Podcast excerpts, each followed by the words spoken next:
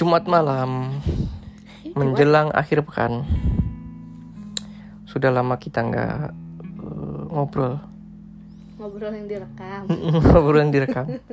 Lama lu, lama lu. iya lama padahal kan niatnya kan seminggu dua kali ya kita buat Karena satu dan lain hal yang membuat kita menunda. ya kita mau ngobrolin yang lagi rame ya Yang lagi rame, ya rame, ya jadi pro kontra, jadi pikiran juga. ya tentang apa? Kalau aku tuh eh, ramenya kemarin baru kemarin kan yang hari ada. yang lalu. ya eh, nggak usah sebutin merek lah. Eh, tentang apa? Eh, penggalan penggalan video ceramah. Hmm. ya.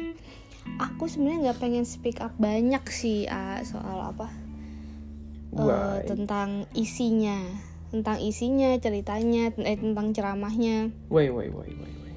karena aku tidak berkompeten di situ dan aku pun juga nggak tahu apa namanya. Aku lebih ke gini loh. Mm, aku tidak tahu kebenarannya gitu ya. Aku harus cari tahu lah pastinya.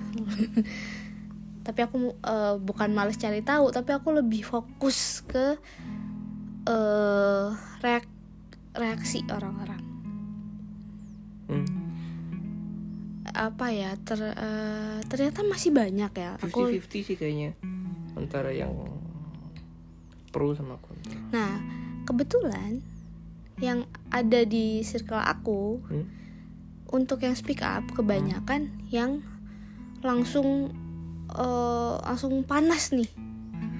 Langsung marah nih, langsung mikirnya lebih ke apa namanya langsung menjudge isinya gitu loh. Kontennya. Iya, langsung Ngambil kayak kesimpulan. Oh, oh, langsung ngambil kesimpulan sendiri. Nah, itu yang bikin aku fokus itu ke situ, ah. Hmm. aku fokus kayak kenapa sih aku cuma eh, ngerasa risih gitu aku risih ngeliatnya tuh gini kenapa sih semua orang tuh kayak kebanyak banyak banget sih ma- masih banyak ya orang yang mau langsung ngambil kesimpulan sama Dari- sesuatu hal yang belum utuh gitu Potong. loh iya ini kan malah potongan potongan kan aku tuh kayak mau speak up tuh nunggu ah aku mau nunggu versi utuhnya atau lebih panjangnya gitu kan. Namanya tadi kan tadi kan akhirnya kan sama yang bersangkutan kan diupload ya versi pan- lebih panjangnya. Aku cuma akhirnya gini oh, oke dari dari segi konten oke deh aku tahu maksud dia. Dan aku udah deh aku nggak perlu jelasin juga ke orang-orang nggak perlu banyak speak up. Toh apa namanya seenggaknya banyak orang pinter yang tahu kok maksudnya apa gitu loh. Nah tapi dalam artian di sini eh, nggak ada sih. Kalau misalnya kalau kan banyak yang bilang kalau apa namanya mengiyakan KDRT gitu ya. Kalau aku lihat di sini lebih ke eh, salah studi kasus sih salah cerita gitu loh. Nggak menyalahkan ngambil. salah ngambil contoh. Iya salah ngambil contoh itu salah yang ada adalah salah di budaya masyarakat kita dikasih contoh kayak gitu ya salah gitu kan ya. Hmm. jadi jatuhnya salah. Hmm. dan salah juga yang mau kenapa sih aku cuma mikir aneh aja gitu loh kenapa sih zaman sekarang tuh masih banyak orang yang mau gitu loh mau reaction sama sesuatu yang sebenarnya eh, cuma sepenggal Belum cuma diketahui secara menyeluruh. iya kenapa sih Secara langsung utuh. langsung dijadiin konten di mana-mana langsung dijadiin ini di mana-mana yang ada tuh kayak malu gitu terus langsung dibanding-bandingin sama ustazah lainnya kayak gitu loh aku mikir wah itu udah lebih itu udah kayak udah melenceng jauh gitu loh Udah nggak di yang dibahas apa tapi Mm-mm. larinya ke mana? Iya, aku tidak eh aku sih lebih ke situ sih awalnya mikirnya kayak kenapa sih kok masih banyak orang kayak gitu gitu doang kan. Akhirnya yang kayak kita, yang kayak kita-kita yang oke kita tunggu, kita mencoba untuk oke kita nunggu deh lebih apa? lebih fullnya lagi. Jadi kayak males buat ngomong sebenarnya. Tadi aku males loh ngomong ini. Cuma ya udah deh aku ngomongin lebih ke situ, cuma kita stop di situ udah. Sekarang kita lebih ke ngobrolin tentang KDRT-nya ya nggak? Secara garis besar. iya secara pendapat aku dan pendapat A. Yang pastinya kita tidak menyetujui sama KDRT itu. Ya dong. Aku sebagai wanita sebagai istri dan punya anak perempuan juga eh, menentang keras yang namanya KDRT semua pasti menentang keras sama namanya kekerasan. Tapi intinya untuk uh, kalau aku pribadi sih lebih ke gini loh. Uh, ya kita sebagai wanita harus punya tameng harus punya kita harus speak up. Hmm, karena gini harus berani. uh, aku lebih ke mikirnya apa? Uh, KDRT itu sesuatu tindakan tidak dibenarkan. Itu kan kekerasan ya itu bukan apa namanya bukan bukan tentang aib suami lagi atau aib istri lagi. KDRT ini di garis bawah lagi ya. KDRT ini nggak cuma di pihak laki kok yang bisa melakukan wanita juga bisa. Sangat bisa. Sangat bisa. Tapi di sini memang- suami. mayoritas terlihat di inilah balik lagi ke apa namanya kesan budaya yang mikir wanita lebih lemah akhirnya pria lebih ini lebih bisa punya tenaga lebih untuk melakukan KDRT itu gitu kan. Nah kalau aku di sini sih aku senangnya sekarang udah banyak sekali yang menampung eh, aspirasi apa ya menampung keluhan-keluhan dari para ibu tuh nggak sendiri. Kalau misalnya ada yang dia ngerasa eh, punya case yang sama di rumah tangganya gitu kan. Aku sebenarnya kalau ini ya ya, kalau KDRT tuh aku liatnya KDRT kan kekerasan dalam rumah tangga ya. Itu juga terjadi sebelumnya sebenarnya itu bisa dilihat dari perannya sih. Sebelum pacaran Iya waktu pacaran. Kan kelihatan ya maksudnya bisa melihat lah gitu. Ada ada temen aku dulu pas pacaran juga mau-mau aja kayak dipukul. Hmm, ternyata katanya setrum. bucin gitu kan. Bucin jadi nggak apa-apa deh ngerasa orang bisa berubah. Kalau aku nggak percaya sih orang bisa berubah. Betul kalau udah tahu kayak gitu ya udah. Banyak juga yang ternyata setelah menikah baru terlihat sifat aslinya keras ringan tangan dalam artian gampang mukul kayak gitu ya. Itu sih aku lihat. Kalau aku sih lebih ke melihat sekarang di masyarakat eh, bagusnya banyak yang mulai apa sadar dan mau banyak yang mau speak up dan banyak yang mau merangkul. Walaupun di satu sisi masih banyak juga orang-orang yang pastinya takut. Takut. Kayak apa ya? Eh istilahnya apa? Gunung es ya? Kayak yang kelihatan segitu ternyata. Hmm, ternyata fenomena gunung es. Iya, ternyata banyak banget masih di apa banyak banget yang orang-orang yang tidak berdaya untuk bilang gitu kan. Nah, itu masih kalau aku sih setuju banget kalau banyak orang yang masih mengkampanyekan eh, tentang hal ini gitu lah. Karena kan banyak banget orang yang mana buktinya? Masih bukti kayak gitu kan masih nyari bukti kalau itu aku dari segi wanita mikirnya sih lebih ke situ sih. Lebih ke ayo dong jangan jangan takut lagi buat ngomong gitu loh karena selama kita nggak salah dan pasti kan apa ya nggak kalau namanya KDRT gitu kan selama kita nggak eh toh kita nggak ngelakuin kesalahan tiba-tiba eh, suami begitu atau kita melakukan kesalahan sekalipun pasti adalah batasannya jangan sampai emang harusnya sampai dipukul. Emang harusnya sampai melakukan kekerasan. Untuk aku yang sama ini berumah tangga ya alhamdulillahnya pasangan aku tidak begitu. Sa- sampai kayak gitu aku umumin di sini. Ya.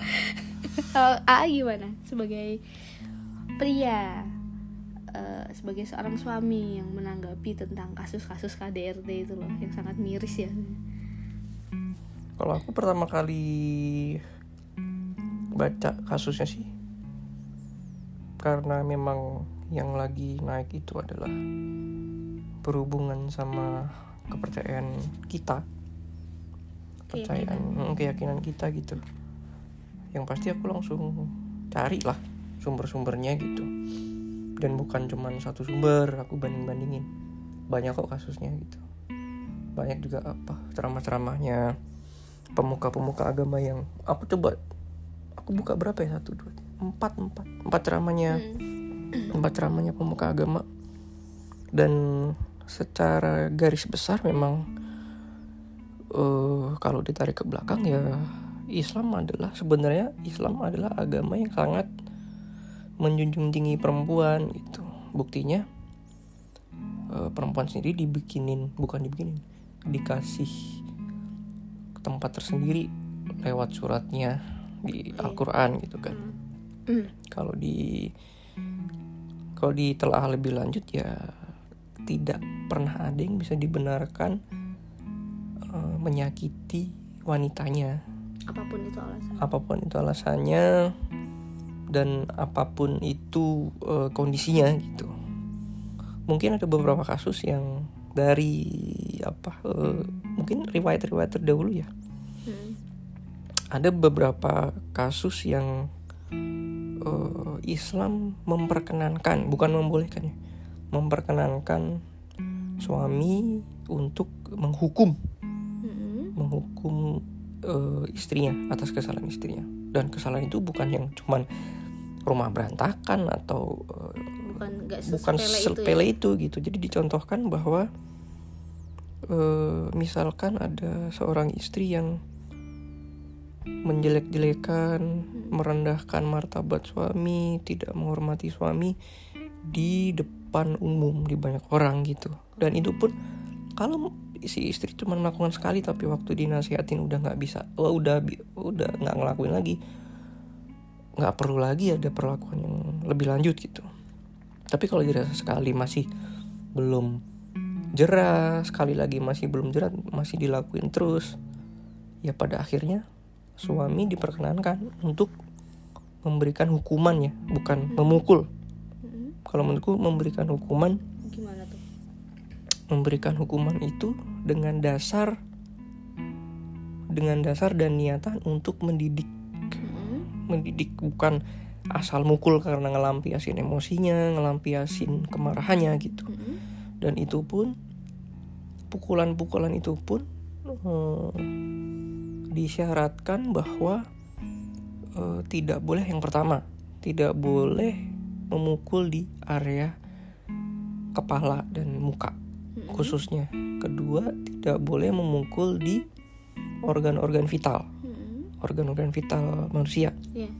dan yang ketiga pukulan itu tidak boleh sama sekali meninggalkan bekas. Terus pukulan macam apa yang diperbolehkan?